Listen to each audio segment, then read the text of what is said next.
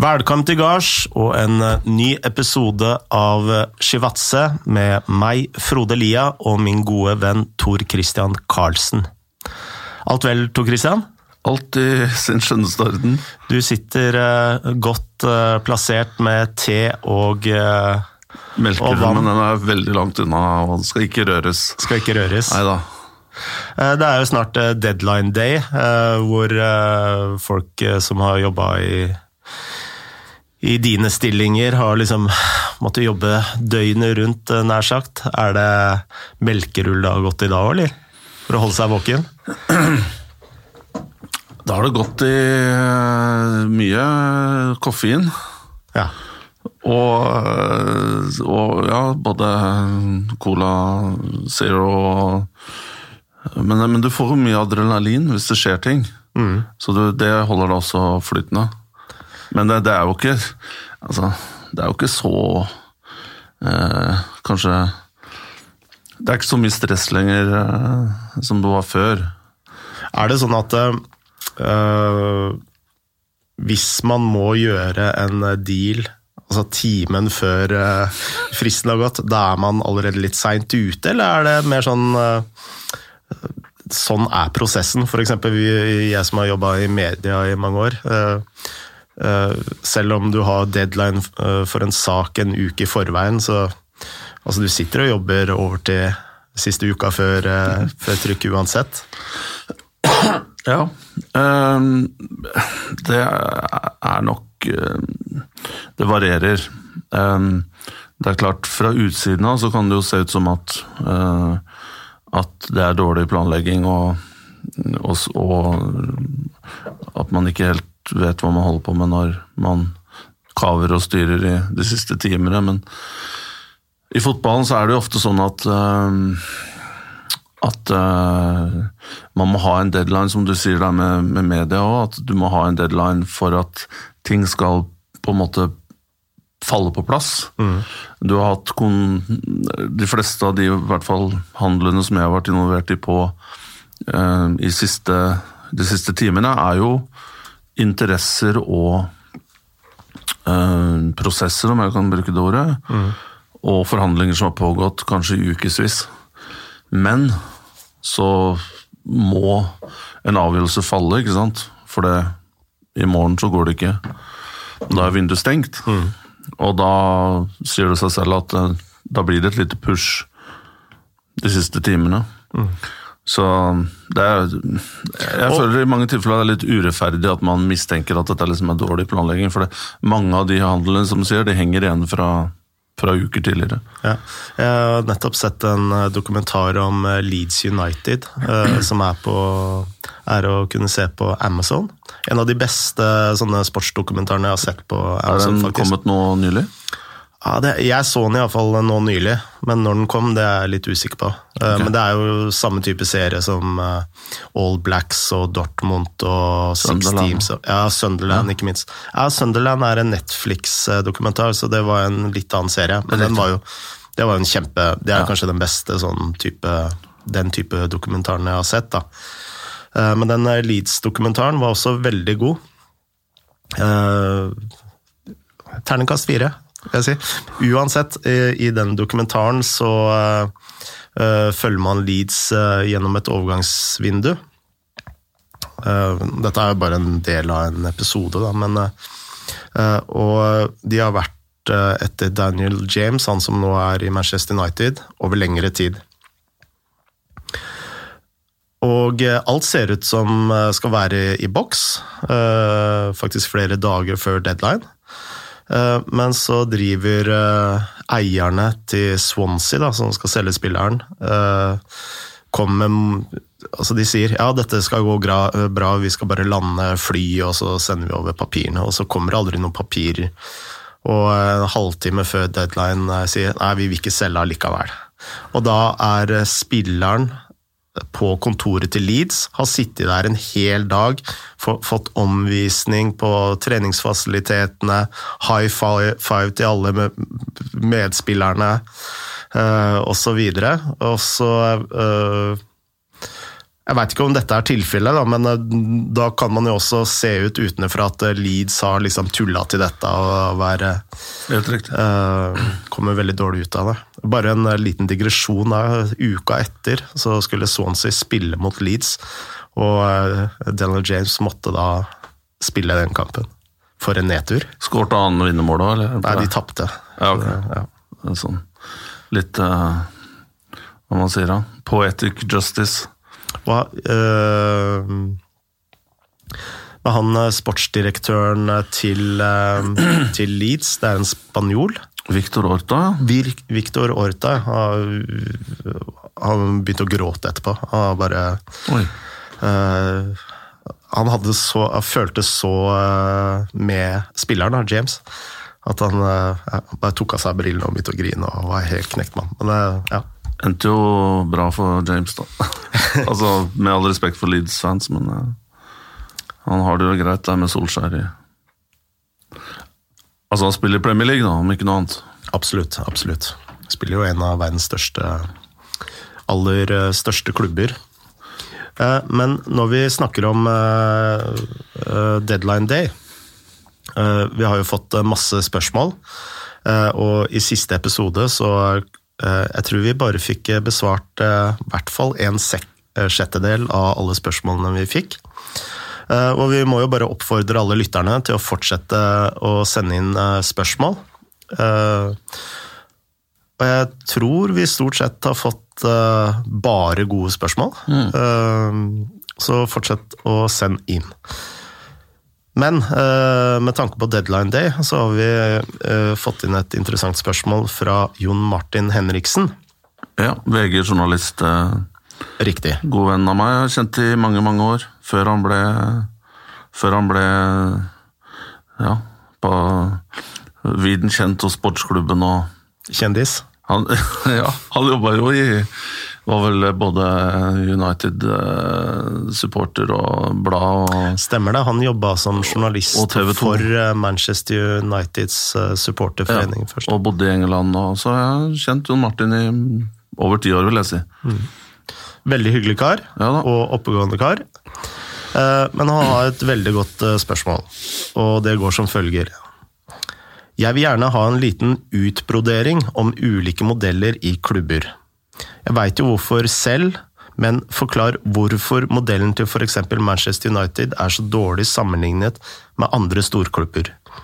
Hvilken roller kreves for å dekke de sportslige behovene, oppgavene, til en klubb utenom manager?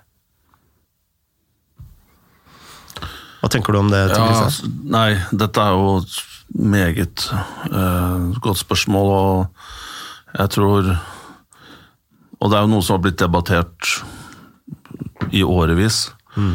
Eh, og, og det virker jo egentlig også som Manchester United i hvert fall på et eller annet tidspunkt identifiserte behov for å gjøre noe med den strukturen. De har jo vært på søk og på leting etter en technical director eller sportsdirektør eh, i mange år, men har fortsatt ikke fått besatt den stillingen. Men eh, ja, det, det er vel nå kanskje 15 15 år siden den stillingen med sportsdirektør ble innført i England. Sånn, I hvert fall i den grad det, det da starta en trend, og det var vel Frank Arnesen i Chelsea? Ja, han var vel i Tottenham da, først, okay. og så gikk han til Chelsea. Eh, som var kanskje den første på en måte rene sportsdirektøren. Og så har det vært, det har vært andre tidligere litt andre definisjoner av rollen, men han ble henta som en Altså Danny Levy trodde på den modellen, og nå skal vi prøve det her, og Frank Arnesen får liksom mandatet til å utføre det. Og så, og så har jo dette her kommet eh, litt etter litt, og fungert veldig bra i, i Manchester City, blant annet der du har Birgir Stein som har vært sterkt bidragsytende til å bygge opp den ja, det mesterverket, kan man jo si, da, som er i dag. Ja, selvsagt også hjulpet av mange penger. Men eh, City gikk jo da altså De har jo en veldig, veldig klar, eh, klar struktur med med samspilt toppledelse med Soriano, som eh, kom også fra Barcelona. Ja, bakgrunnen der, og Beguristein det samme. Og, så er det jo ekstra eh, ja, nesten, nesten, for bra da, at du har Guardiola som også har spilt med mm. Beguristein. og de går lang tid tilbake, så det er kanskje litt for tett der, men, men eh, man har jo henta meritterte folk som, som kommer med en filosofi eh, og en tanke eh, som de skulle implementere i Manchester City, og har fått all tid og ressurser til å gjøre det, og så ser man at da blir det her bra. Så nå jobber jo City utrolig Eh, ja, altså det, er en rød tråd gjennom hele, hele klubben, fra sjuåringer opp til A-lag. og eh, Både Pep og, og eh, Begiristein har ideer om hvordan utvikling av unge spillere skal gjøres, hvordan rekruttering skal gjøres. Mm. Så her er man jo synkronisert. Samspilt? Ja, på alt. Um, og det, det virker det jo ikke som at det er i i Manchester United. Um, så jeg, jeg, vet ikke hvorfor man har endt opp der, om det er uh, om det er en beslutning fra eiere, fra styret. Det funka så bra under Ferguson med én mann ikke sant, som mm. hadde all makt. Uh, så man fortsatt med det. Man hadde liksom manager-typer, David Moyes, som starta etter Ferguson. Som faktisk nå i uka her, ser du liksom Han har ikke kasta seg den derre managerhatten. Han er fortsatt der. Nå prater han i Westham om at, skal, nå, nå har de en at han mener klubben skal implementere en filosofi om resale value-type mm. spillere. Og det er jo ikke en hovedtrener som egentlig skal blande seg borti, da, mener jeg. Så her ser du Moyes liksom Han kommer ikke ut av den det tankesettet om at han også skal ha da innflytelse på veldig mange områder som egentlig ikke berører han. Og så kommer van Gaal inn etterpå, som kanskje ikke var Som faktisk var vant til å jobbe med sportsdirektører. da, Fra store klubber som Barcelona, Bayern München osv. osv. Men da han så at her kan jeg få her kan jeg få uh, hele kongeriket, så hvorfor ikke ta den? Mm. Eh, så gjorde han jo det, så han styrte jo årene og rapporterte da til Ed Woodward og, og Mourinho da etterpå, som, som, også er litt av samme typen. Så de har gått for liksom disse autoritære 360 grader-type trenerne, eh, som eh, kanskje er litt på vei ut, da. Mm. Og stort på den modellen der, men men kan jeg spørre deg, hva er det med den modellen der som ikke gjør den holdbar i 2020? Det er mange, mange ting. Uh, det mest åpenbare, det er jo, som Åge Hareide også var inne på for, i forrige uke, er at i dag så er det umulig, altså. Uh, umulig for en hovedtrener eller manager, om du kaller det å kontrollere alt. Mm. Det er og spesielt da en klubb som Manchester United, som er enorm. En av verdens største klubber, og det presset og oppmerksomheten fra media er jo nesten ikke til å leve med. Og eh, du må ha Altså, fokus er ikke noe som er utømmelig eh, for alle. Altså, vi kan Ja, til lytterne eller deg og meg, da. Hvor mange timer av en arbeidsdag klarer vi å yte vårt absolutt beste fokus. Mm. 95-100 ja, kanskje tre-fire timer, da. Mm. Hvor vi er ypperlig um, beredt til oppgavene og klarer å løse dem ja. på den måten vi skal. Så, så, skal du da som uh, hovedtrener, så skal du ha trening om morgenen, og så skal du ta deg uh, og, og, og treninga, altså den uh, syklusen der, den går langt inn på ettermiddagen også. Du skal spille samtaler, og du skal ha du skal snakke med analyseteamet, du skal se spillere fra scoutingteamet som, som de legger fram. Kanskje til og med du skal på en scoutingtur. Uh, man ser jo rapporter av Solskjær har dukka opp her og der for å se spillere uh, i, media. Uh, og så skal du ha pressekonferanser.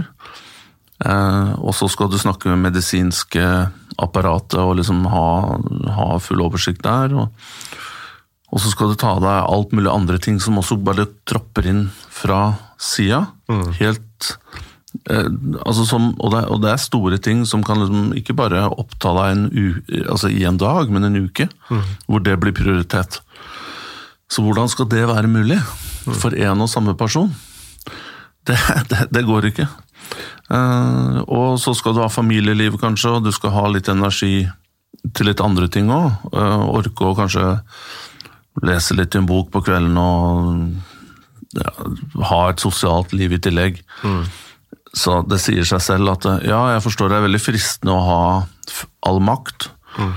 Og det er veldig fristende å ta på seg alt ansvaret. Men her må du tenke på det som er det beste for klubben. og tenke på hva som vil føre til at du kan gjøre en best mulig jobb. Mm. Eh, og da tror jeg man må ha et system der oppgavene og ansvaret er mye bedre delegert. En annen ting, eh, tenker jeg, det er at eh,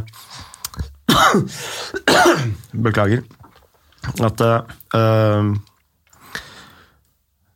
trenere kommer og går. Men det er veldig mange uh, klubber som blir arrestert av trenerne fordi de har hatt kontroll på alt. Uh, og at man da ikke har en uh, sånn langsiktig tankegang om spillerekruttering og, og, spillestil, og hva klubben egentlig skal være, da, i tillegg. Og da blir det en sånn slags slalåmkjøring hver gang man bytter en, en trener, da, som som ikke er heldig da, for den langsiktige utviklingen eh, av en klubb. Så jeg tenker at uh, det er jo mer heldig for en klubb å ta mer eierskap til uh, uh, til alt, egentlig. Mm. Særlig for de personene som skal være i klubben utover de tre årene Eller hva gjennomsnittlig sittetid for en trener i Premier League? Litt over et år? Eller championship eh, var det litt over et ja. år, tror jeg det var.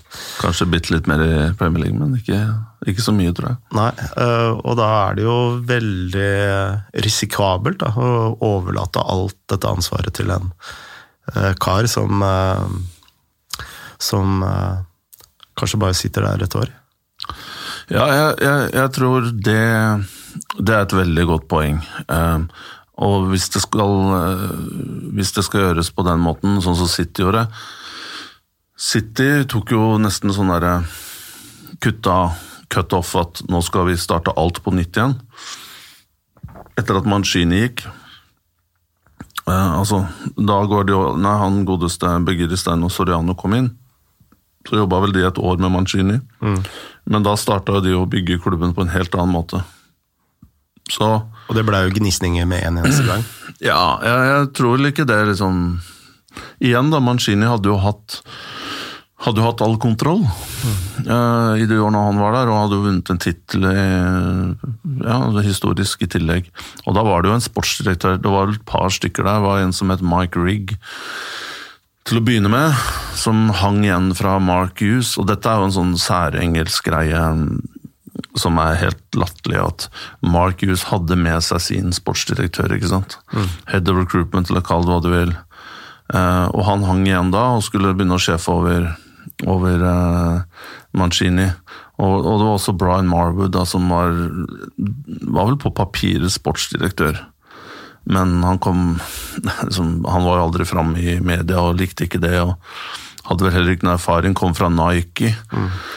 Og da var det vel han eh, andre CEO, som også kom fra Nike, jeg husker ikke navnet hans, eh, Jerry et eller annet, som hadde hatt med seg Brian Marwood. da. Men ingen av de hadde jo en erfaring fra å drive fotballklubber Nei. i det hele tatt. Uh, Gary, Jerry Cook, tror han het. Um, så, så Mancini tok jo da kontrollen over alt mm. som han skjønte jo at her er det mulig, liksom, for han, hadde, han, har jo ekstremt mye kompetanse, så han og assistenttrenerne tok det over mye mer enn det de i utgangspunktet skulle gjøre. Mm. Bygde bl.a. et brukbart scouting-nettverk. og Så jeg kjenner en del av de som, som jobba der. Så det funka til en viss grad, men, uh, men det var jo liksom, Ved den ansettelsen av Soriano og Birgirisstein, så ble det en sånn derre de skulle bygge et, nesten et Barcelona da, i Manchester, og det ble en clean slate. Ja. Og men, men det, det, er, jo vanskelig å gjøre det kanskje i, i, i, i så store klubber. Eh, nå sier jo Manchester United at de ønsker liksom å starte litt på sånn år null, de òg. Mm. Eh, og Solskjær eh, er jo eh, Det er jo hans mantra, og, jeg, og, og, det er jo en god idé i seg selv, men jeg vil jo stille spørsmålstegn, sette spørsmålstegn ved at man da setter en manager til å gjøre den jobben. Mm. Den burde da ha vært gjort og blitt sementert på et høyere nivå og selvsagt da eh, ansatt en, en, en, hovedtrener som da også er, passer inn i den filosofien. Mm. Men å sette dette her til Solskjær, at han skal lede den gjenoppbyggingen av Manchester United, det skjønner jeg veldig litt av. Med all respekt for Solskjær, da, som sannsynligvis er en god trener i seg selv, men han har jo ikke erfaring til å bygge, bygge klubb. Nei, altså, jeg, jeg, altså det er mye eh, Solskjær har gjort i Manchester United det har jeg vært veldig imponert av. Eh, men uh, hvis du går tilbake til Cardiff og ser den track recorden han har da, med spillerrekruttering, så er jo den alt annet enn imponerende. Ja jeg, jeg, vet ikke hvor mye man, vekt man, man skal legge i det Cardiff. Jeg kjenner jo Eh, litt til hvordan Jeg kan forestille meg hvordan det var å jobbe med han eieren der. Mm. Og de dytta vel også noen folk på Solskjær, noen unggutter fra et eller annet Sentral-Asia som skulle komme inn og, og være sportsdirektører og, mm. og, og styre med spillere og sånne ting. Så det var nok ikke så enkle arbeidsforhold for han i Cardiff.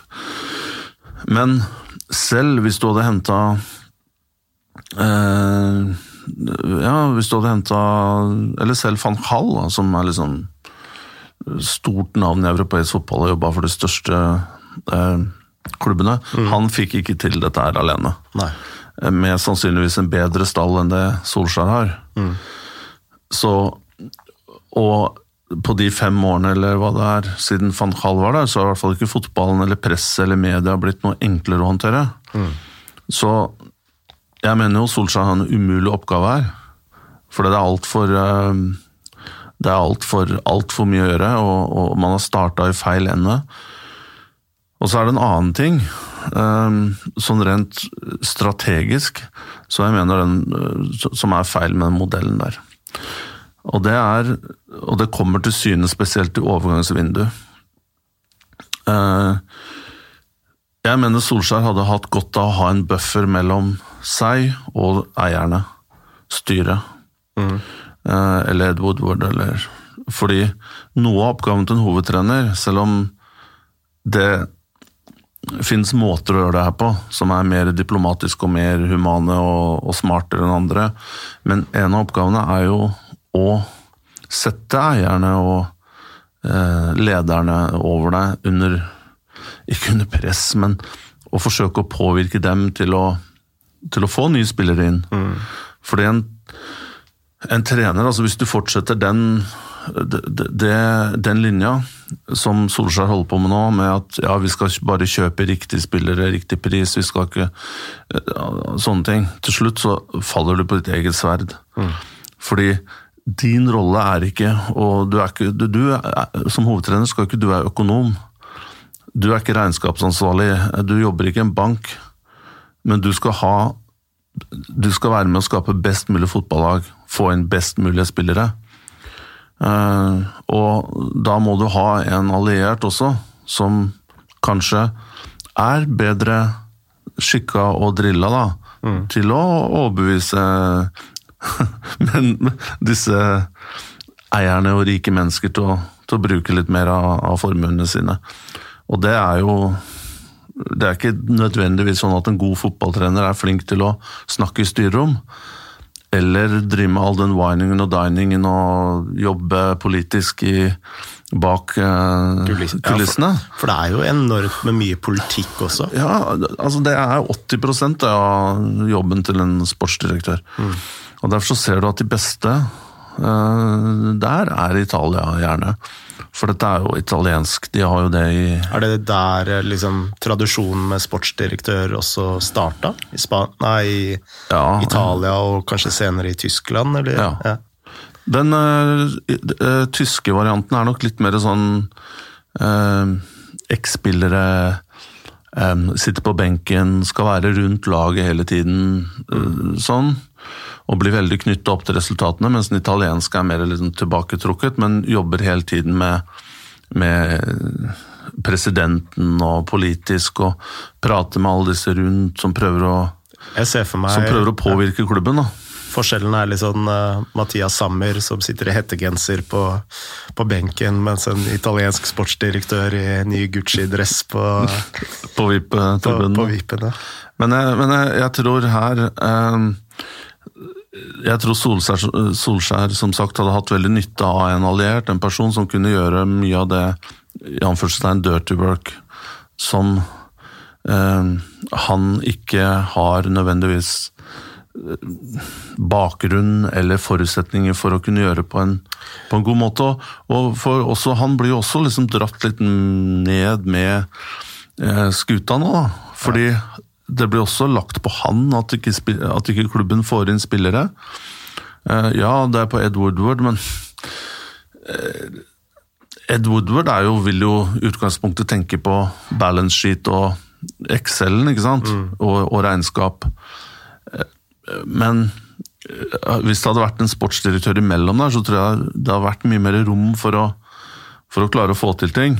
Nå kjenner ikke jeg insiden her i Manchester United, og Solskjær vil sikkert hevde og Woodward at dette funker optimalt. Men ut fra min analyse så tror jeg det har vært nyttig egentlig for begge parter å ha hatt en litt sånn fall guy uh, imellom der. Mm.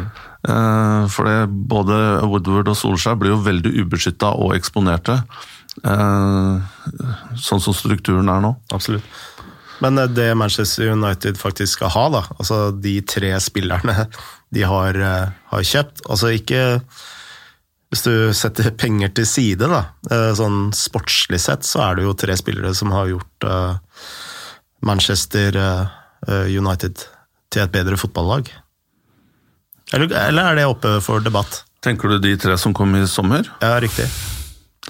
Jeg, jeg, syns, jeg, jeg syns for så vidt um, det er ok spillere, men uh, Van Bissaka syns jeg er god defensivt, fysikken og alt det der.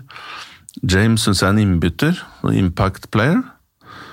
Uh, dette er Manchester United, det er ikke mm. Newcastle med penger, på en måte. Mm. Og jeg, jeg, tror Hvis du skrur tida tilbake sånn 10-15 år, og da Newcastle satsa, så ville det vært signeringer som de hadde gjort. Mm.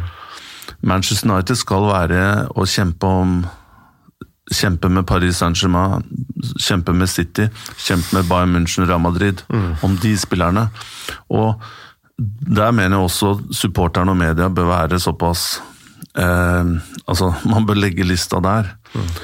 Og at det er litt sånn at ja, man ønsker jo å backe klubben og være positiv. Men jeg husker et Manchester United som var verdens beste fotballag. Mm. Og jeg har bodd i England i mange år, jeg har vært på Old Trafford mange ganger. Den Manchester United skal ikke kjempe om fjerde-femteplasser. De, de skal ha den luka ned som Liverpool har der nå. Og, og det får du ikke ved å kjøpe de type tre spillerne. Det skal være squad players, impact players. Hvis du går tilbake 2000 eller rundt den tida da Solskjær spilte, mm. eller litt senere, hvor du henta Veron og Ok, han ble ikke noe hit, da, men det var en av verdens beste spillere. Så ville jo disse tre her vært eh, spiller 13, 14 og 15. Men det det egentlig Altså, når vi intervjua Åga Hareide her, så nevnte han eh, at han, eh, når han henta inn eh, fysiske treneren sin til Malmö, var den som var på et helt eget nivå med Tok med seg GPS-tracker, og det var jo ikke måte på. Så tenker jeg at som Åge sa veldig bra, da, at uh, fotballen i dag den inneholder så mange ulike yrker.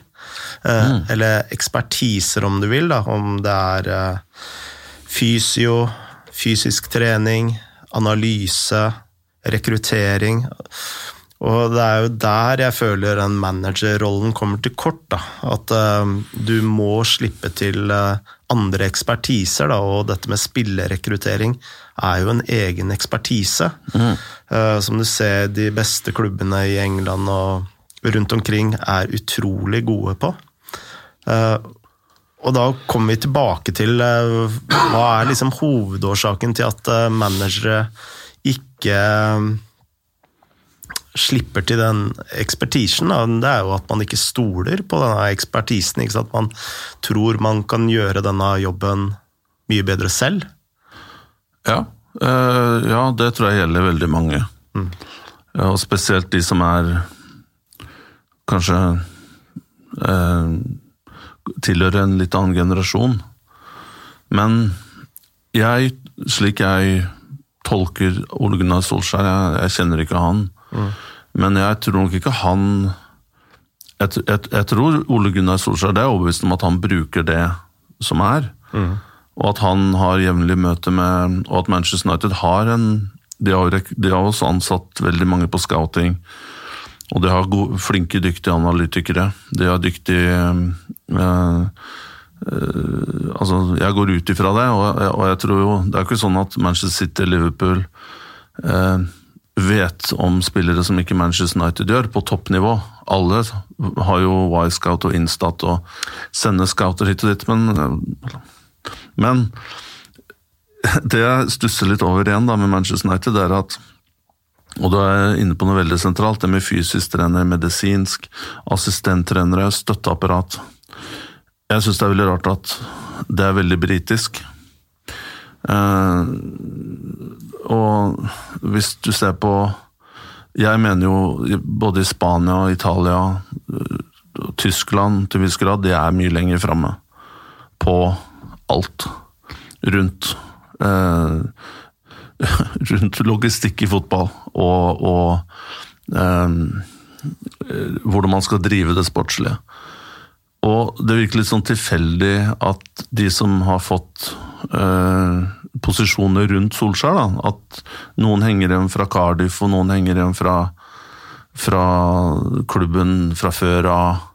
Så vidt jeg vet, så er det heller ikke så veldig mye sånn utenlandsk cutting edge-ekspertise lenger bakover i klubben. Det stusser jeg litt over. At ikke det, det har blitt et mer internasjonalt miljø rundt sport. da. Jeg tror du misforsto meg. fordi Når jeg mener med ekspertise, så handler ikke det om å, å Nei, finne de riktige spillerne. jeg svarte ikke på, men jeg, jeg bare, dette var bare mitt synspunkt. Ja, men med ekspertise så mener jeg faktisk den politiske delen av eh, det å gjøre det, Hvis du ser på den eh, Bruno Fernandes-sagaen, eh, som nå ser ut å løse seg, så er det jo et politisk sammensurium uten like. Du har en, en klubb som på mange måter er kontrollert av George Mendes. Uh, for han skal ha en cut av alle spillere som går ut av den klubben. Så du, du skal ikke bare forhandle med en eh, klubb, du skal forhandle med en ekstern, uh, en ekstern agent som etter mange, menes, mange meninger ikke liker Manchester United. Det er et dette er jo en fulltidspolitikerjobb, da. Helt. Eh, så det er det jeg mente med en ekspertise. Og det er en sånn, sånn ekspertise du også må, du må jobbe med det hver eneste dag. Da. Du må liksom dra på disse lunsjene, du må liksom behandle relasjoner hele tiden. Det holder jo ikke med en, en, telefon hver gang du er ute etter en spiller. Du bygger langtidsrelasjoner, da. Ja. Akkurat som gode selgere eller uh, diplomater, eller hva, hva man kan account manager. Riktig. Um, så det, det, er det jeg tenker på. Altså Når jeg tenker på en sånn ordentlig god sportsdirektør. Så, som deg, da, så tenker jeg på en sånn italiener som er alltid fin i tøyet. Når han skriver e-poster, så er de liksom Han husker navnet ditt. Uh, helt uten skrivefeil. Uh, jeg, et, uh, jeg, tenker på bøkene om Silvo Berlusconi, hvor han instruerte alle ansatte sine til å huske, huske bursdagene til alle forretningspartnerne. Ikke bare forretningspartnerne, men du skulle huske bursdagen til kona og barna, og liksom Hver gang du var i et møte med dem, så føler du deg bra. Altså, jeg har møtt en del sånne ja. mennesker opp igjennom. at eh, du uh, Halvard Flatland, for eksempel, da. han har jeg møtt ved et uh, par tilfeller. Hver gang jeg har møtt Halvard Flatland så Jeg skjønner at han ikke har huska meg fra gang til gang, men hver gang jeg har møtt Halvard Flatland, så har jeg følt meg så utrolig bra. Jeg har følt meg som sånn midtpunkt i verden. Da. Sånn tenker jeg er liksom en sånn god sportsdirektør, men som også ikke lar seg rulle over. Altså Er det en krig, så, ja. så tar han den krigen, men er pragmatisk og god. Og, ja. Men en annen ting som også slår meg i kjølvannet av den George Graham-saken og Harry Rednap-saken uh, Og for de som ikke har fått med seg, George Graham ble vel utestengt mm. fra Eh, fra all fotball en del år. Samme blei Rune Hauge. Rune Hauge blei vel utestengt eh, fra fotball for all, uh, all tid, og så anka han, og så ble dette omgjort i fire år, da, men saken dreide seg om at Rune Hauge hadde gitt da penger under bordet til George Graham for å signere spillere. Det var vel Fakse Jensen fra Danmark og Paul Lydersen fra Norge. Og jeg syns det er veldig rart eh, i England at i kjølvannet av de sakene at eh, man ikke fikk fortgang i, eh, i det å gå fra manager til sportsdirektører, for det er jo også en sånn en uh, sikring for at uh, trenerne som sitter litt med hånda ned hånd, i uh, honningkroka til å liksom Skjønner du hva jeg mener? Mm. Ja.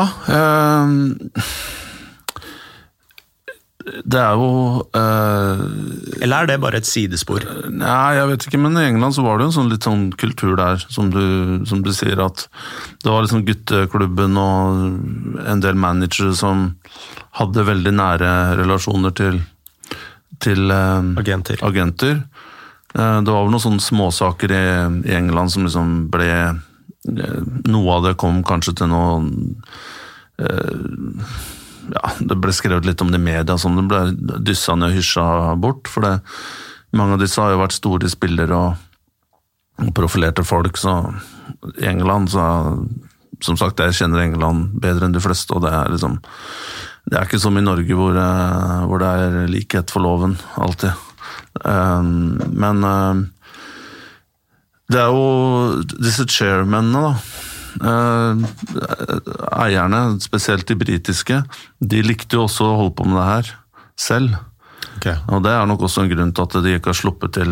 Og så er de Engelskmenn er jo jeg skal ikke si xenofobe, men de er jo skeptiske til utlendinger. og det er skeptisk, altså Du ser jo hva som skjer med brexit, og hvordan argumentasjon og klima rundt det har vært, og deres syn på EU-utlendinger er jo ikke så åpent som vi er vant til her i Norge. De, så det å hente inn italienere i dress og lukte litt eh, Som det lukter litt Colonia og sånn Ikke Dario Colonia, men lukter lukter Ode Colonia av. Mm. Um, det Da steiler kanskje mange, for det er en ny verden for dem, og de er ikke trygge på på den type folk. Så, men jeg, jeg syns jo den lille ranten du hadde der om hva det innebærer å være sportsdirektør i en stor klubb, det med det politiske og sosiale og det var meget uh, godt sagt, syns jeg. Og det gir et veldig godt bilde av hvordan, hvordan den verden er. Og det er noe av det beste du sa, det syns jeg at overganger er jo ikke liksom gjort i et blits på noen få uker det er en prosess som du holder på med hele året. Mm. Du har dine targets som du jobber, bearbeider, oppdaterer deg, er ute, snakker, hører. Mm. Uh, og det er en, et vanvittig uh, viktig arbeid. Jeg husker jo, jeg forstår at han har lykkes. Jeg traff uh, var på, eller jeg, jeg traff han litt før det òg, men jeg prata med han før Fabio Paratici. Og han har vel hatt tilbud fra som sagt, alle storklubbene i England. Mm. Han er nå sportsdirektør i Juventus. Og Jeg husker jeg traff først Fabio da han var i Sampdoria. Da var han egentlig bare bare og bare, da, men han var eh, på en måte chief scout.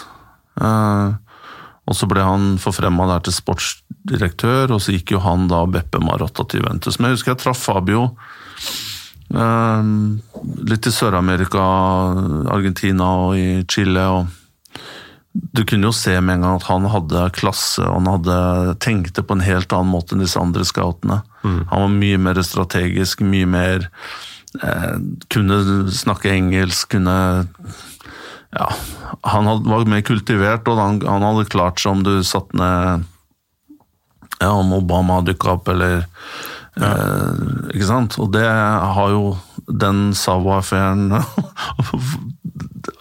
den feelingen der, da, den får du når du ser hvem Å ja, han her kan lykkes i det. Og han her, jeg tenkte med en gang han her kommer til å få en, en god karriere etter hvert. Mm. Så det kunne man se med en gang.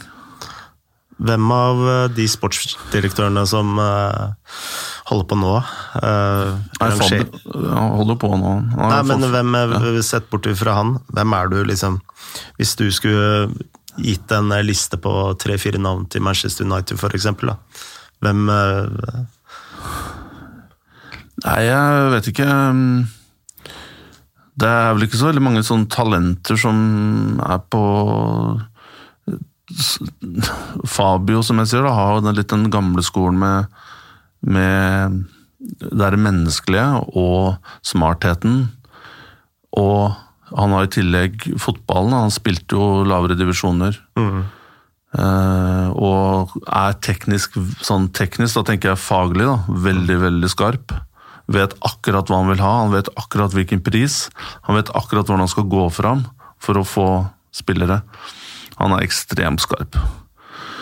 Uh, annen jeg kjenner og hadde mye kontakt med, uh, Andrea Berta. Han er Atletico Madrid. Mm. Og han øh, Han kom jo fra Parma litt tilfeldig inn i fotballen, jobba i bank i Italia. Kom fra bankbransjen. Mm. Og starta i Parma. Jeg husker ikke han presidenten som tok han med. En stor, røslekar som var i Parma på slutten av 2000-tallet. Midten av 2000-tallet. Og så gikk Andrea var vel i Siena og var en tur i Genoa. Men han fikk sin store break i Atletico Madrid. Og han igjen, så skjønte jeg at han her, selv om han her skjønner Har en liksom forståelse av ting som er veldig, veldig på et veldig høyt nivå. Mm. Og igjen, han han klarer å omgås folk på veldig høye nivåer. Altså han, han, har jo vært linka til Manchester United, tror jeg flere ganger. Han er veldig skarp. Og har klasse, da, som diplomat. De to er vel det dyktigste som jeg vet om. Og så har du en tredje jeg kan nevne. Han er litt mann han har jobba med, eh, og det er Ricardo Peccini. Uh, og faren hans var jo en slags mentor for meg, Aldo Peccini. Uh, ja. Og Ricardo vokste jo opp da, med å reise rundt med Aldo og se kamper hver bidige dag. Ja. Så fra Ricardo gikk ut av skolen da han var sånn 17-18, så var det bare fotball, og selv før, under ungdomstiden, så var han ute og reiste med, med Aldo. Mm. Og ja, Aldo har jobba som assistenttrener under uh, forskjellige trenere, spesielt i Toskana-området der. Uh, han var vel med Silvio Baldini en periode. Hvor er han nå? Nå tror jeg Aldo er i eh, Napoli og jobber der. Men han har jo vært i jobba for de største klubbene, og Mancini brukte mye som en sånn personlig scout. Mm. Um, så, så, Aldo er jo liksom et ekstremt uh, Har så mye erfaring og forstår alt. Han liksom bare ser på øynene på spilleren, så liksom skjønner han personligheten. Altså tatt til det ekstreme, da. Mm. Men um, Ricardo uh, ble jo da er jo kan, Han er vel et par år yngre enn meg, sånn i begynnelsen av 40-årene. Er tilbake i Sampdoria nå. Han har vært uh, chief scout der, og han har vært sportsdirektør i, i Empoli. Uh, men han var jo assistenten min, jeg henta han inn i Monaco som assistenten min der, og han var teknisk direktør i to år der. Mm.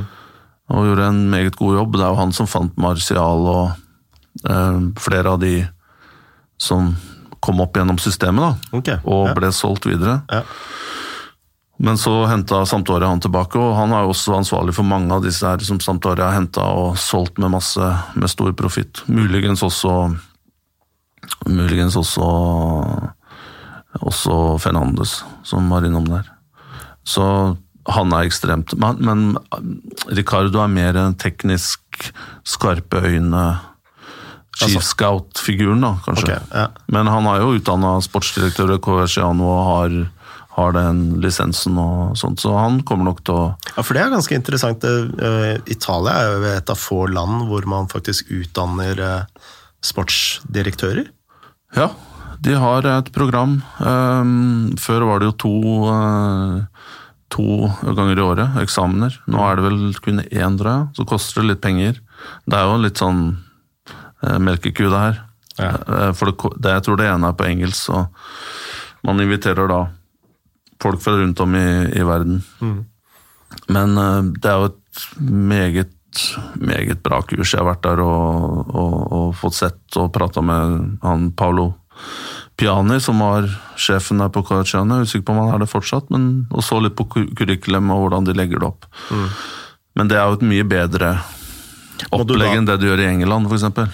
Men har England et sånn type kurs, eller? De, de har noen private aktører som holder på med det. Okay.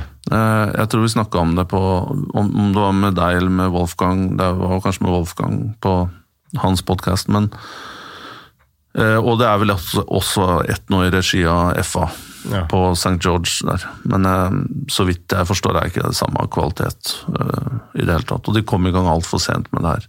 De har vel bare holdt på i tre-fire år. Okay. Mens italienerne har jo 30 år hvor de ikke utdanna sportsdirektører, men i hvert fall 15 hvor det er man så får man en sånn derre lisenskort, ser ut som et førerkort, hvor det står 'Directore Sportivo' på. Og med den der, de der stjernene til forbundet. Så det er litt kult. Eh, kan du si noe om pris, veit du det? Sånn prisklasse det kosta Det pleide å vare i tre-fire måneder. Eh, altså noen uker her og der. Ja. I Firenze, da.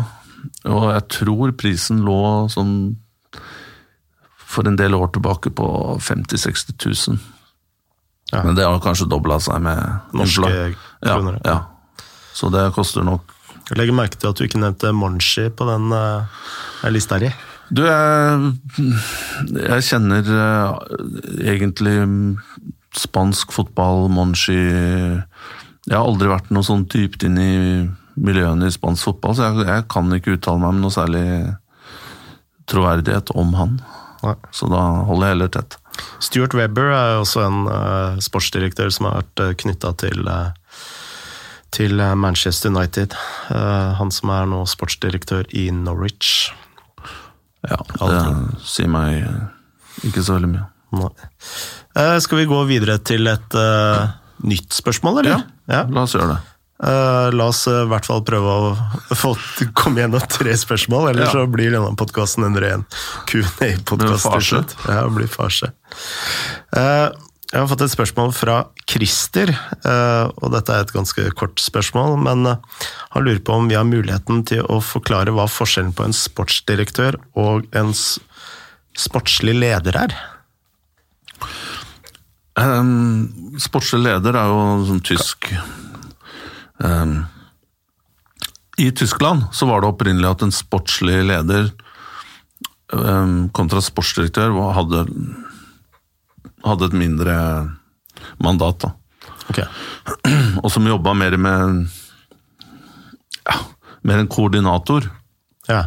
Uten store store Var liksom ikke inne i, inne i de store rom når beslutninger skulle tas, men var mer en som satte de ut. Um, men i Norge så har jo det bare blitt et sånn sammensurium. Noen kaller det sportsleder, noen kaller det sportsdirektør. Jeg syns det er greit i Norge at du kaller det sportsleder, for det, norsk fotball er jo ikke er, vi er jo ikke Real Madrid eller Kanskje Rosenborg da, fortjener at man, man kaller det sportsdirektør. Mm. Men um, for resten av oss er vel sportsleder greit, da. Mm. Og så er det opp til hver enkelt klubb hvordan man definerer og setter ut den rollen, egentlig. Ja, fordi den rollen kan jo formes på veldig mange ulike måter. Du har eksempel eh, i Rosenborg så rapporterer eh, sportsdirektøren eller Stig Inge Bjørneby rapporterte da direkte til styret. og mens andre steder så er sportsdirektøren eller sportslig leder satt under treneren, f.eks. Så det er jo veldig mange måter å organisere det hele på. Ja, øh, jeg syns det er veldig rart. Det er en Jeg mener jo hvis man skal ha en sånn type person i klubben, mm. så bør jo det være den som, som sitter over treneren og ja og rapporterer til styret. Mm. Um, kanskje det har funka jeg, jeg, jeg, jeg, sier ikke at én modell ekskluderer andre, men hvis man klarer å få det liksom litt strømlinjeforma, så er jo det best for alle. Sånn at mm. oppgavene er klare, og ansvarsfordelingen um, er klar. Mm. Jeg synes Den modellen der i Vålerenga er veldig spesiell. Du prata litt om det i går. Mm på Jossimar-podkasten, eller hos Stian, journalisten, at det er jo veldig spesielt at en trener uh, skal ta med seg en sportslig leder. Vi snakka om det litt tidligere her, vi òg. Mm. Og det åpner jo for veldig mange rare uh, scenarioer senere. Uh, ja, hvis treneren ligger tynt an, skal sportslig leder også gå, da? Hvordan blir samtale klima mellom styre og sportslig leder når man skal diskutere de sportslige resultatene. Opplagt at han backer treneren. Mm. Fordi han ikke bit den hånda som mater deg. Så, og nå i etterkant, når du skal se etter en ny trener, og sportsleder er igjen, som kom med forrige trener, hvordan, hvordan funker det? da? Skal en ny hovedtrener rapportere da til sportsleder som forgjengeren kom med. Mm. Det, jeg syns det er rart, i hvert fall. Det, det tror jeg er vanskelig liksom, å få lagd av en klar struktur. Jeg vet hva du tenker da, men du sa jo noe lignende i går. Ja, det er, det er jo veldig rart. Uh, særlig når treneren, treneren forsvinner, da. Og, og, dette er jo litt det samme som i Manchester City, hvor du kommer inn med en veldig sånn en sterk gruppe. da. Altså Du har en eh, leder sportsdirektør og en trener som kommer fra samme klubb. Altså For Vålerengas tilfelle så ja. var Kjetil Rekdal kalt frem, Team Drammen. Ehm, men det blir jo veldig vanskelig da, for, for en ekstern uh, trener å komme inn da, med et, uh, i et sånn type re regime. Og det vil kanskje, vil kanskje, også være utfordrende i uh, Manchester City den dagen Pep Guardiola mm. forsvinner. da. Eh, så dette med struktur tenker jeg det er liksom alfa og omega. da. Og Åge Hareide jeg syns det er veldig fascinerende å høre han snakke om eh, kultur. Eh, og denne kulturen den starter jo egentlig med mennesker i en struktur. Mm -hmm. Men hvis du har da Fordi det med struktur, hvis man skal prøve å Prøve å altså, konkretisere hva det egentlig betyr, så er det jo klare ansvarsområder. Og det er når ansvarsområdene blir uklare, som jeg oppfatter dem at de er i Vålinga. Du har så mange stakeholdere i miksen her. Du har en eier med Trøym som har sitt å si. Du har sponsorer som eh, Jeg vet ikke om de har så mye å si, da, men de har jo eh, ting inn i miksen her. Du har en sportslig leder som egentlig er har vært under treneren Det er uh, veldig mye, mye rart, da, som, som uh, Og når du da har ulike ansvarsområder og masse stakeholdere, så er det så masse hensyn til å ta. Da. Altså, det er alltid en stakeholder da, som ikke vil gå for én type trener, f.eks. Og da ender man med et sånt minste multiplum. Mm. Og ansvarspulverisering er vel et uh, Fint ord, forresten. Ja, som jeg, som jeg syns er ganske dekkende da, på, på, fotballklubber uten en klar struktur. Jeg, jeg, tenker jo at i hvert fall så må det være én person sånn i utgangspunktet som setter hvis, hvis, det er sånn som du sier, at det er én person som driver kulturen, mm. og som syr alt dette sammen, og så kan man jo være litt fleksibel og si at ja, navnet på rollen er ikke så viktig. Og det trenger det ikke nødvendigvis å være. Og så er det jo kanskje Espeseth, da, som er administrerende direktør, som kanskje prøver å flette alt dette sammen. Det kan jo godt være. Jeg tenker på kultur, så tenker jeg at det er en Enig med deg at det handler også om ansvarsområder, men det handler om én idé da, som alle kjøper seg inn i og går, skal drive fram. Mm. For meg så er, det, så er det, kultur. Og øh, det er jo veldig mange klubber som har altså, styrevedtak, da, f.eks. Uh, og dette har vi snakka om mange ganger tidlig, men man har styrevedtak på altså Det har vært klubber i Eliteserien og andre steder hvor man har hatt styrevedtak på hvilken formasjon man skal spille, til og med. ikke sant? Eh, og da blir det veldig rart hvis man plutselig ansetter en trener som ikke spiller den formasjonen, og aldri spilt den formasjonen. da. Eh, det var jo men det går, går, jo ikke an. Nei, men det var jo det som var tilfellet med eh, Rosenborg, f.eks. At ja. du man skal tilbake til retten av 4-3-3, uh, og så hadde man et styrevedtak på at de skulle spille sånn, og ansette Kåre Ingebrigtsen, og så plutselig kommer en annen trener skal spille noe helt annet, trene på en helt annen måte, og så funker ikke det helt. Og, ikke sant? Jeg tror det er et særnorsk fenomen. Ok, så har kanskje Ajax spilt 4-3-3 i, i, hvor mange år, du vet det bedre enn meg, men, mm. men et, nå vet jeg ikke om Ajax har noe styrevedtak på det. Det kan godt hende de har det, men, men jeg tror uansett at det er de har den kulturen der, ok, greit. Mm. Jeg isolerer det, og Ajax er, er bra. Men er, jeg, jeg, har i hvert fall aldri opplevd noen andre land hvor man har styrevedtak på formasjoner. hva, hva, skal du ha en Da kan du like godt bare ansette en trener sånn Bare ansette en teknokrat da, mm. til å være trener. Og så får han bare, så får man ha et møte med, med en teknisk sportslig utvalg eh, hver fredag. Så får de ta ut laget og, og, ja. og Latterlig, spør du meg. Men eh, du har jo nevnt dette i tidligere episoder om at uh, la oss, altså Nå begynner det å bli litt kjedelig å, å snakke om Vålinga hele tiden, da, men uh, nå er jo Vålinga litt i vinden, så det er litt naturlig å snakke om. Men de har jo nå vedtatt en slags sånn satsing på Oslo-identiteten. Altså de skal satse på unge norske, ikke unge norske, men unge spillere fra Oslo-området, og da fra eget akademi. Og det er vel så bra, men øh, hvis du ikke har en struktur som er forankra i en hel organisasjon, så vil, vil Og en sånn strategi er jo veldig risikabel med tanke på uh, tabellplassering. Det kan gå bra, det kan gå som Bodø-Glimt, men eh, i flere tilfeller så går det litt dårligere. I hvert fall i starten, til dette får satt seg, og så blir det mest sannsynlig bedre og bedre. Hvis alt går etter planen. Da. Uh, men når du plutselig ligger da, si på tolvteplass etter ti serierunder, alle begynner å bli stressa, det er da du får testa hvor godt dette her er forankra.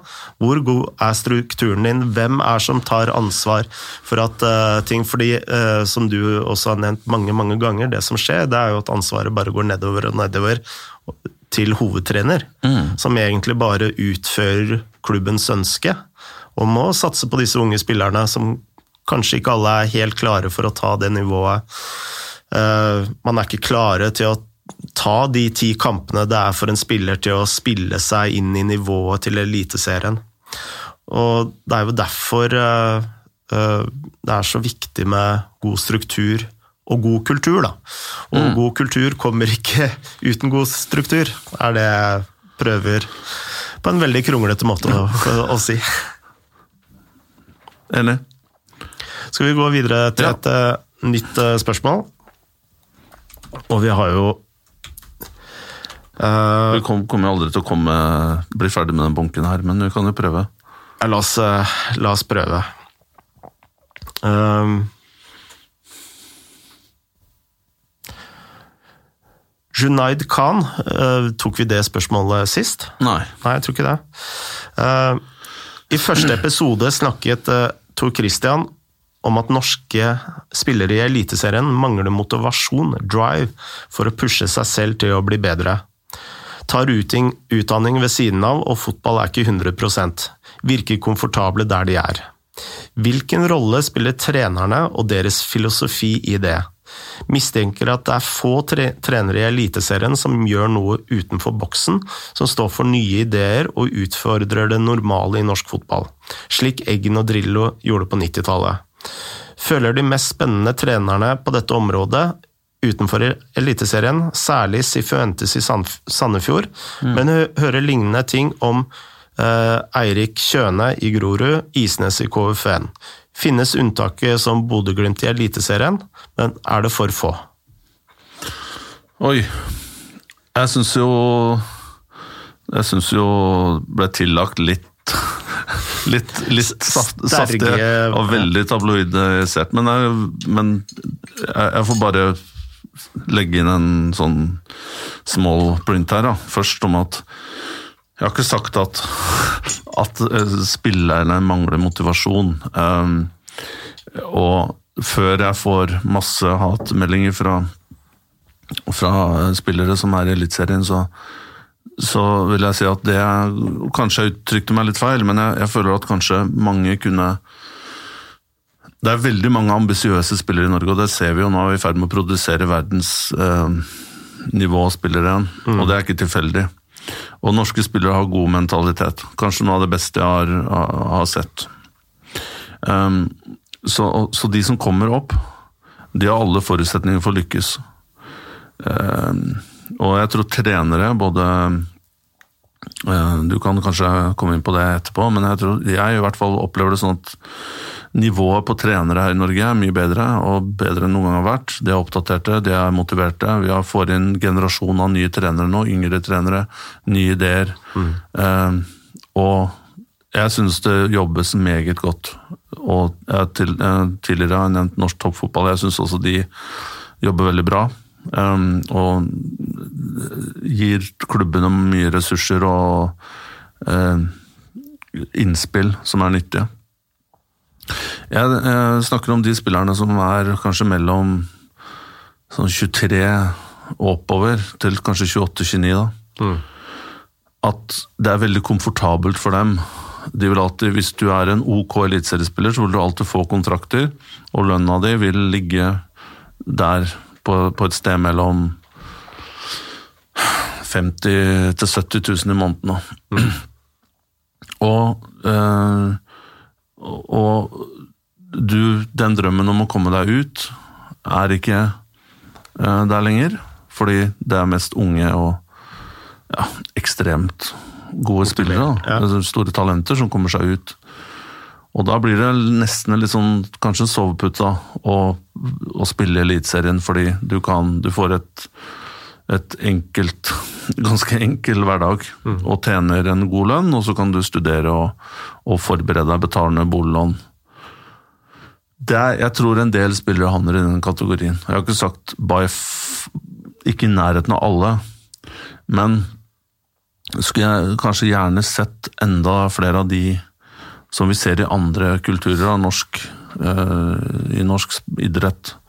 For eksempel ja, disse enerne vi har på andre arenaer. da. Om det er Magnus Carlsen, eller om det er Warholm, eller Therese Johaug altså, osv.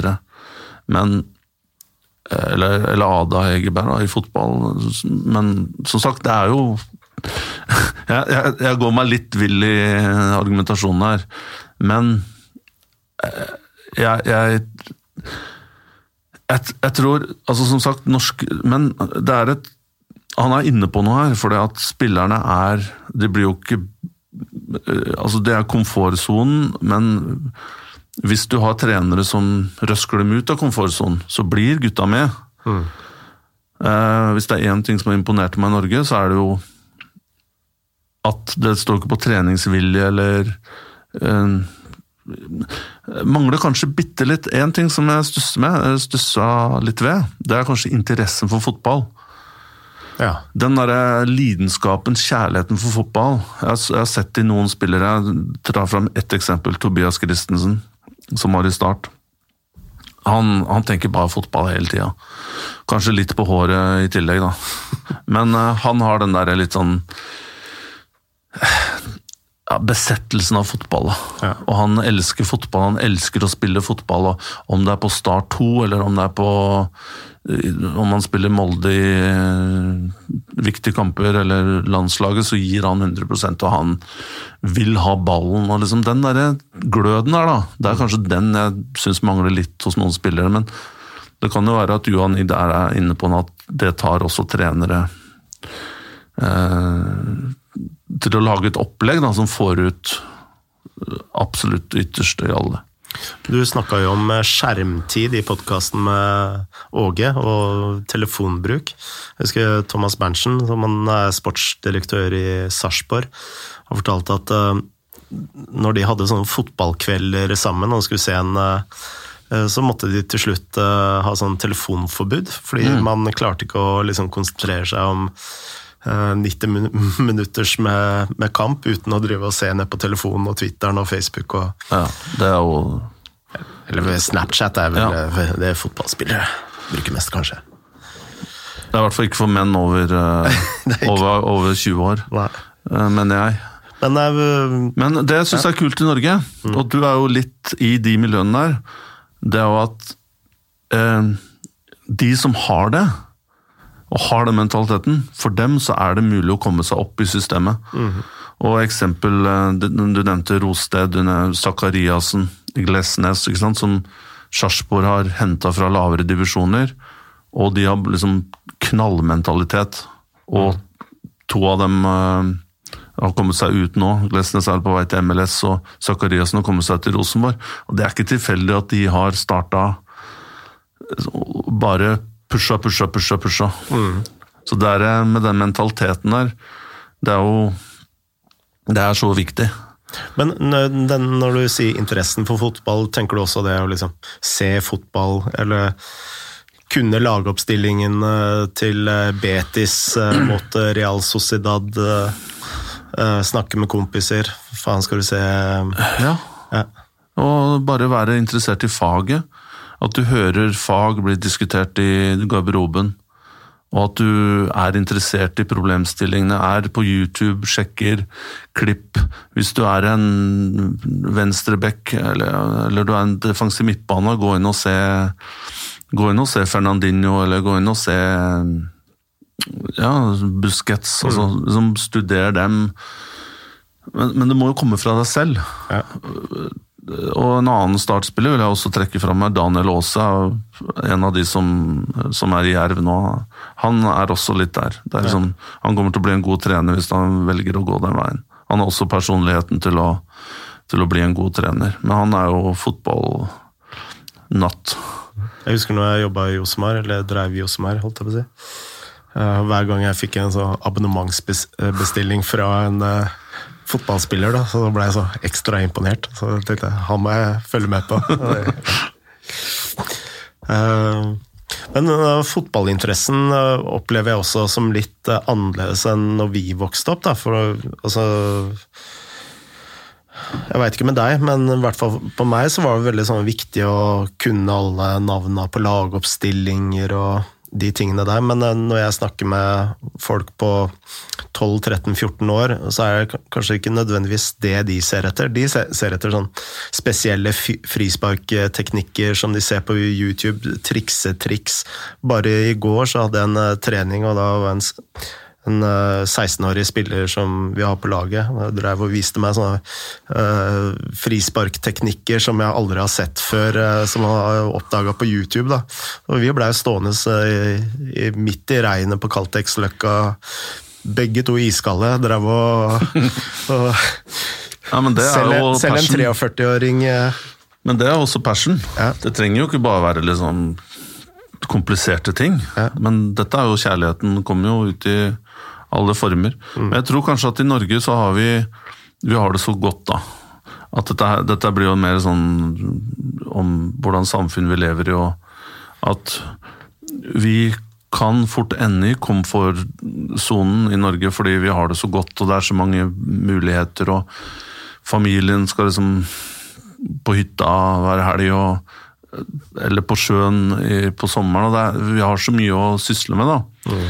Mens kanskje i andre land så har du bare den derre Du har ikke råd til alle de tingene der, og du har ikke råd til å ta weekend i eh, fire ganger i året i utlandet og tur til New York en gang i året. Mm.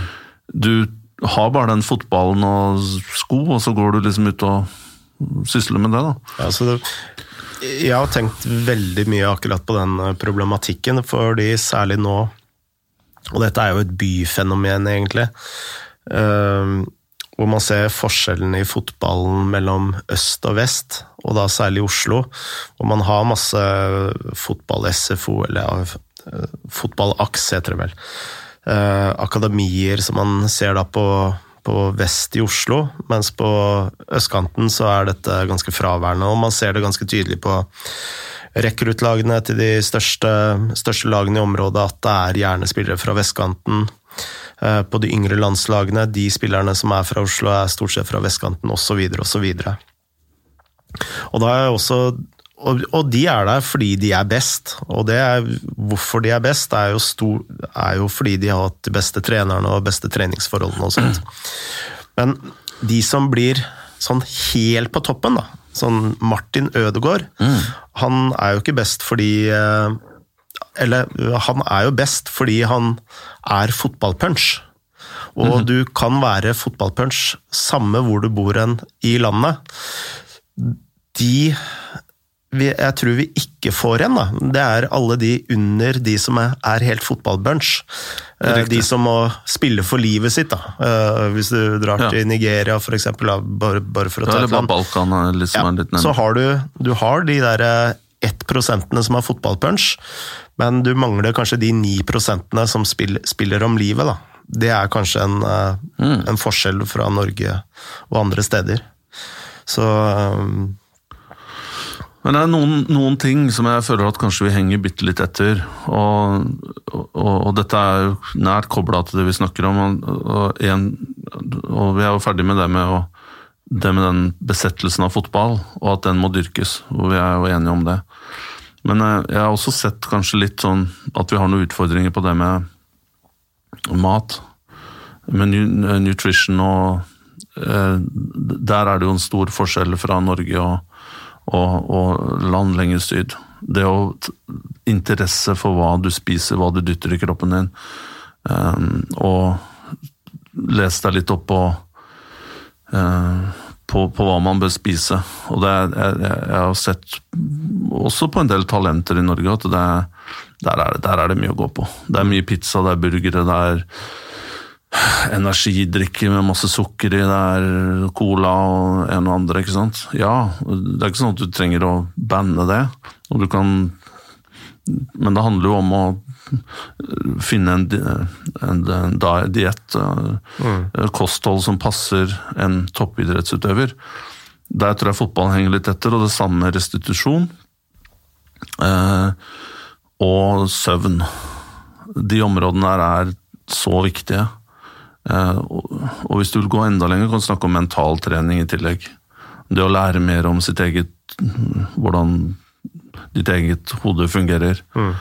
Um, og hvordan du kan ja, optimalisere deg selv mentalt og, og, slike ting. Og hvis du ser på folk som Cristiano Ronaldo og Messi og de helt i toppen der, er, de har jo folk, eksperter, som de hyrer privat til å jobbe med dem på alt mulig måte. Coache dem, ikke sant. Mm. Men uh, jeg tror det er en god start, det med, spesielt med mat og søvn. Da. For det er jo ting vi enkelt kan gjøre jeg har aldri selv. Tørt, aldri tørt å nevne det, men ofte når jeg har vært hos klubber og, og liksom spist lunsj, da, så har det jo vært sånn biff stroganoff og uh, kylling og pommes frites og Ja, det er krise. Det er, det er ganske krise. Ja, ja. Og, og, i hvert fall de måltidene som spillerne får i regi av klubbene, må jo være spot on. Mm. For man vet jo ikke hva man spiser på kvelden. For et par år siden så var det en kjempediskusjon om akkurat dette med kosthold. for Det var en klubb som hadde reist ganske langt på bortekamp. Jeg vil ikke nevne hvilken klubb det er, for det er ikke poenget. Men eh, så uh, vant de den kampen, da. Og så, så, så jeg de hadde kjøpt inn uh, mat da, til etter kampen for å liksom få i seg noe næring uh, rett etterpå, som er viktig. men så var det sånn Peppes pizza. Eller var kanskje ikke Peppes pizza, men det var sånn type pizza. da. Og så skrev jeg det på Twitter, da, at uh, er dette mat man liksom dytter i seg etter å ha og da fikk jeg svar da, at ja, men dette er, vi trenger kalori, raske kalorier med en eneste gang, og dette er måten vi får det på og sånn. Og det, det er kanskje riktig, men det setter jo også en slags sånn standard for spillerne at den type mat er ok. Eh, fordi vi er toppidrettsutøvere. Så vi trenger bare energi. Eh, skjønner du hvor jeg vil hen? Ja, ja. Karbohydratene og Men og det er jo forskjell på karbohydrat nå, som, som, du sier. og jeg, jeg, husker jo fra bare enkelt Og igjen, da, italienerne er jo, mener jeg, verdensledende på det her. Um, på, og, og, de har jo holdt på med det her siden 60-70-tallet. Mm. Mens, mens i England så var det jo puben fem ganger i uka. Og det er jo ikke fleip engang. At fram til kanskje 90-tallet så satt jo engelske spillere, britiske, på pub fra etter kampen på lørdag til onsdag. For da skulle de inn, inn i, i matchmodus igjen, da. så da måtte de ha to tørre dager. Torsdag og fredag. Mens italienerne Du hørte jo historier om utenlandske spillere som kom til Italia, og de fikk ikke lov å stå.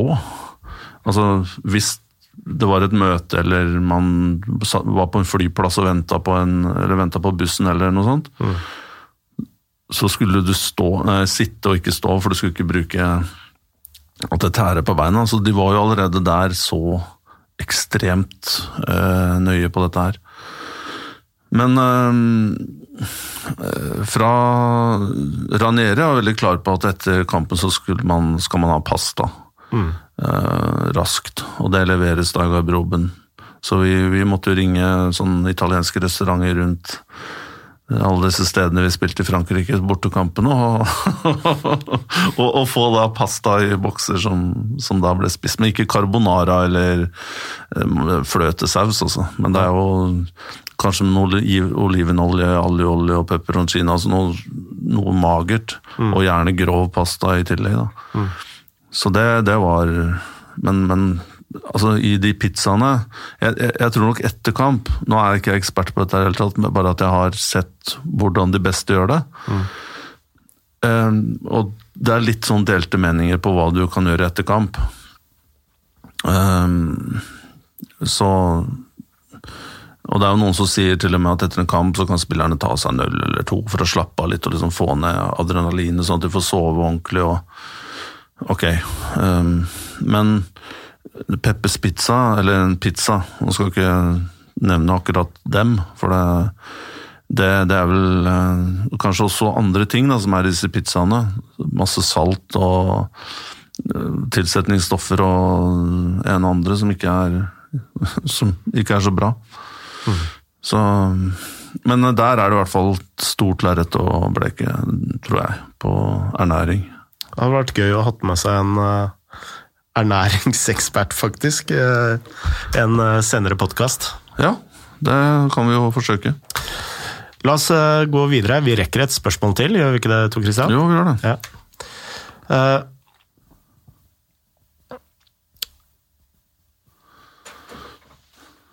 skal vi se her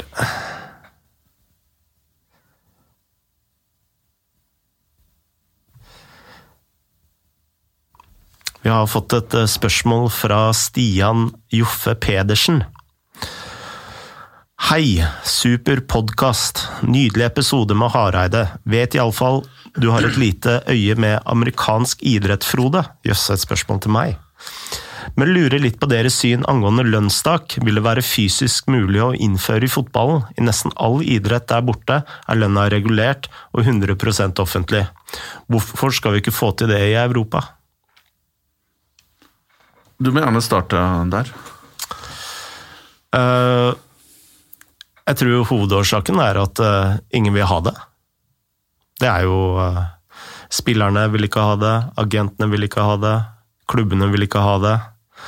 Fordi Og da må man kanskje også litt sånn tilbake til hvem er som egentlig styrer idretten, da. Altså, ikke styre, men hvem er en maktfaktor i idretten? Og hvis du ser på europeisk fotball på det øverste nivået, så er det jo de 10-20 største klubbene i Europa. Uh, og måten de holder kontroll på sin posisjon på, det er jo alltid kunne kjøpe de dyreste og beste spillerne. Uh, og det gjør de jo fordi de har tilgang til å bruke mer penger enn de som er dårlige. I det momentet de andre klubbene uh, får et, en jevnere konkurransesituasjon, da, så mister jo klubber som Bayern München og Juventus og osv. sin posisjon. Så det er vel hovedsvaret på at, uh, hvorfor dette aldri kommer til å skje i, uh, i Europa. Jeg, jeg, mener jeg har lest et sted at når det kom amerikanske eiere inn i, i England, at de spekulerte i at det ville komme et lønnstak i kjølvannet av Financial Fair Play. Mm. Uh, uh, men det er bare noe jeg har lest. Ja, nei, jeg er enig. Um, og jeg, jeg, tror også det er en annen, annen greie som kompliserer det. Det er jo at amerikansk sport, bortsett fra ishockey, men de tre baseball, NFL og uh, Hva var det siste? Hørte meg. Basket spilles jo uh, Altså de, de, er jo ikke konkurranse med noen andre om å få de beste spillerne til, til Nord-Amerika. Ishockey er det kanskje litt, med den russiske ligaen og Tyskland. Kanskje, nei, kanskje ikke Tyskland. Og så betaler de godt i Sverige og sånn, men Likevel, NHL er likevel ja, noe helt eget. Ja, og NHL er ditt spillere vil. Mm. Mens i fotball, om man hadde sagt da at eh, selv Europa hadde sagt at nå Uefa innfører nå salary cap, og det skal være den her fordelingen, og den nøkkelen her bruker vi, så ville man jo miste bløde spillere til Kina. Og man ville blø spillere til eh, Midtøsten. Mm. Så da måtte det vært et Fifa-initiativ. Eh, som gjaldt hele verden, da, men da er det jo ekstremt komplisert å få dette her Eh, til å enighet rundt det. Og, og, og det andre er jo eh, eh, ja, nå, jo, at rundt om i verden så er det jo veldig forskjellige praksiser på hvordan spillere blir betalt. Ja. Du ser jo hvordan de har gjort det i England med image rights og sånne ting, hvor eh, offisiell lønn er én ting, og så kommer det masse andre penger inn via en eller andre Stråselskapet på Cayman, ja. Ja, eller hvordan de nå har gjort det. Men i ja, noen land så er det jo mer eh, muligheter for å kunne betale spillerne på andre måter. Mm. Så Men det er faktisk et godt poeng, fordi man eh, eh Altså, man innførte ikke et lønnstak, men man eh, på 50-tallet så blei det jo noen lønnsrestriksjoner et par år. Og det medførte jo annet at eh, uh, klubber som ikke, eller land som ikke var medlem av Fifa, f.eks. Colombia, plutselig fikk noen av de beste spillerne i hele verden. og Derfor Alfredo Di Stefano gikk fra Argentina til Colombia. Uh, fordi der var Han gikk jo til klubben Millionaris, av alle ting. Så da dro bare spillerne til eh, Colombia for å få en god paycheck da, et par, par år. Men med en gang de fikk orden på dette lønnstaket igjen, så forsvant jo alle spillerne selvsagt igjen. Da. Og det var jo litt sånn bakgrunnen Nå er vi helt på sidesporet her, da, men det var jo litt av bakgrunnen for at det ble en kamp mellom Real Madrid og Barcelona om Di Stefano, for han var jo faktisk signert for to klubber. Han var jo både signert i Argentina og med sin colombianske klubb, og det var vel Real Madrid Nå husker jeg ikke hvilken klubb han spilte for i, i Argentina, men det var vel sånn at Real Madrid River Plate var det Eh, Real Madrid hadde en avtale med Millionaris i Colombia, og Barcelona hadde en avtale med, eh, med, med River Plate i Argentina. Da. Og så avgjorde egentlig det spanske uh, fotballforbundet at uh, han skulle spille ett år for Real Madrid og så ett år for Barcelona. Så han skulle bytte på hvert eneste år. da. Men til slutt, så, etter mystiske omstendigheter, så trakk uh, Barcelona seg fra hele avtalen, altså Real Madrid. Ja. Ja.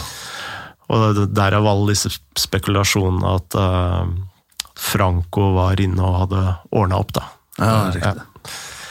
Så det er litt av resultatene av et eh, eventuelt eh, lønnstak, da. Ja. ja. Nei, det sitter i hvert fall langt inne, som du sier, og, det er jo ikke på agendaen engang. Så det er vel vanskelig å se at det skal bli en realitet. Dette var jo et kort eh, spørsmål, men nå rekker vi jo faktisk et spørsmål til. Skal vi ta et siste spørsmål, Tor Christian? La oss gjøre det. Vi har fått et spørsmål fra Kåre Sakshaug. Tema og spørsmål til neste pod. Diskuter Mourinho i Spurs, og spørsmål hva er grunnen til at Tor Christian ikke spiser kjøtt lenger? Oh. Uh, skal vi, vi, kan snakke om Mourinho, skal vi snakke om meg, ja? Er jo, vi er jo ikke Vi er jo i Vi er jo liksom ikke i bloggersfæren, uh, men uh, du kan jo svare på det. Skal jeg gjøre det? Eller? Ja, vær så god. Ja, det er jo ikke noe hem... Det Ja, jeg I Israel så, så er det jo veldig mange som ikke spiser kjøtt av forskjellige årsaker. Men det er jo veldig enkelt å være veganer der, for det er jo så god, veldig mange gode plantebaserte Nå er ikke jeg veganer, jeg spiser sjømat og fisk, men det var en tidligere fysioterapeut i klubben som het Pini, som var eh, over 70 år. Og han spratt rundt der.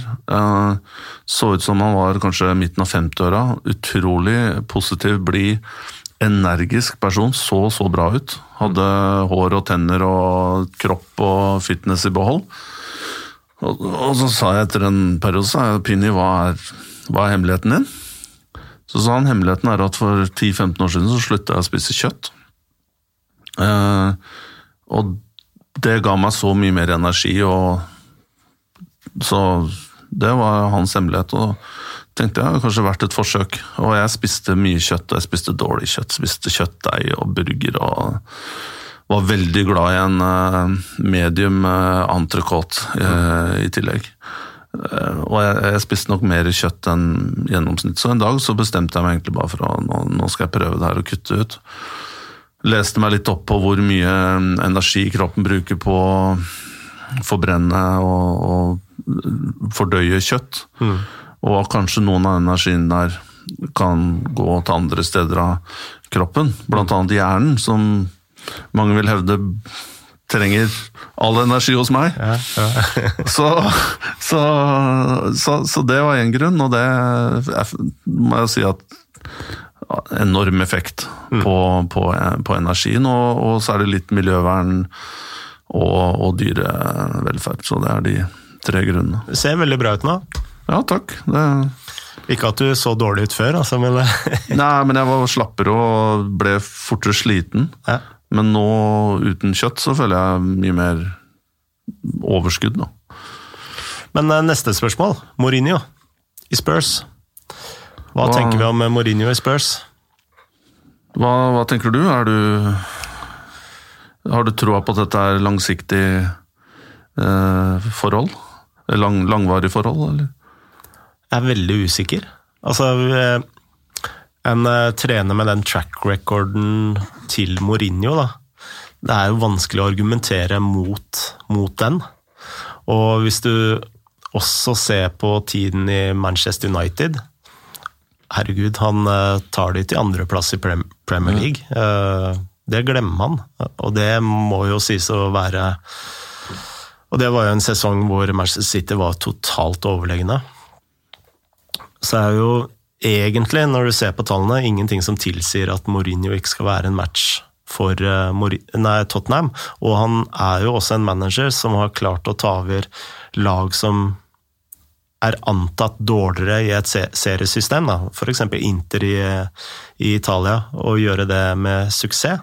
Han er jo ikke den type trenere som La oss si Pep Guardiola, da, som bare har trent de desidert største og beste lagene i hver eneste liga han har vært. Først Barcelona, mm. som kommer samtidig med at de fostrer opp verdens beste spiller noensinne. Eh, Bayern München overlegent største, eh, den største klubben i Bundesliga.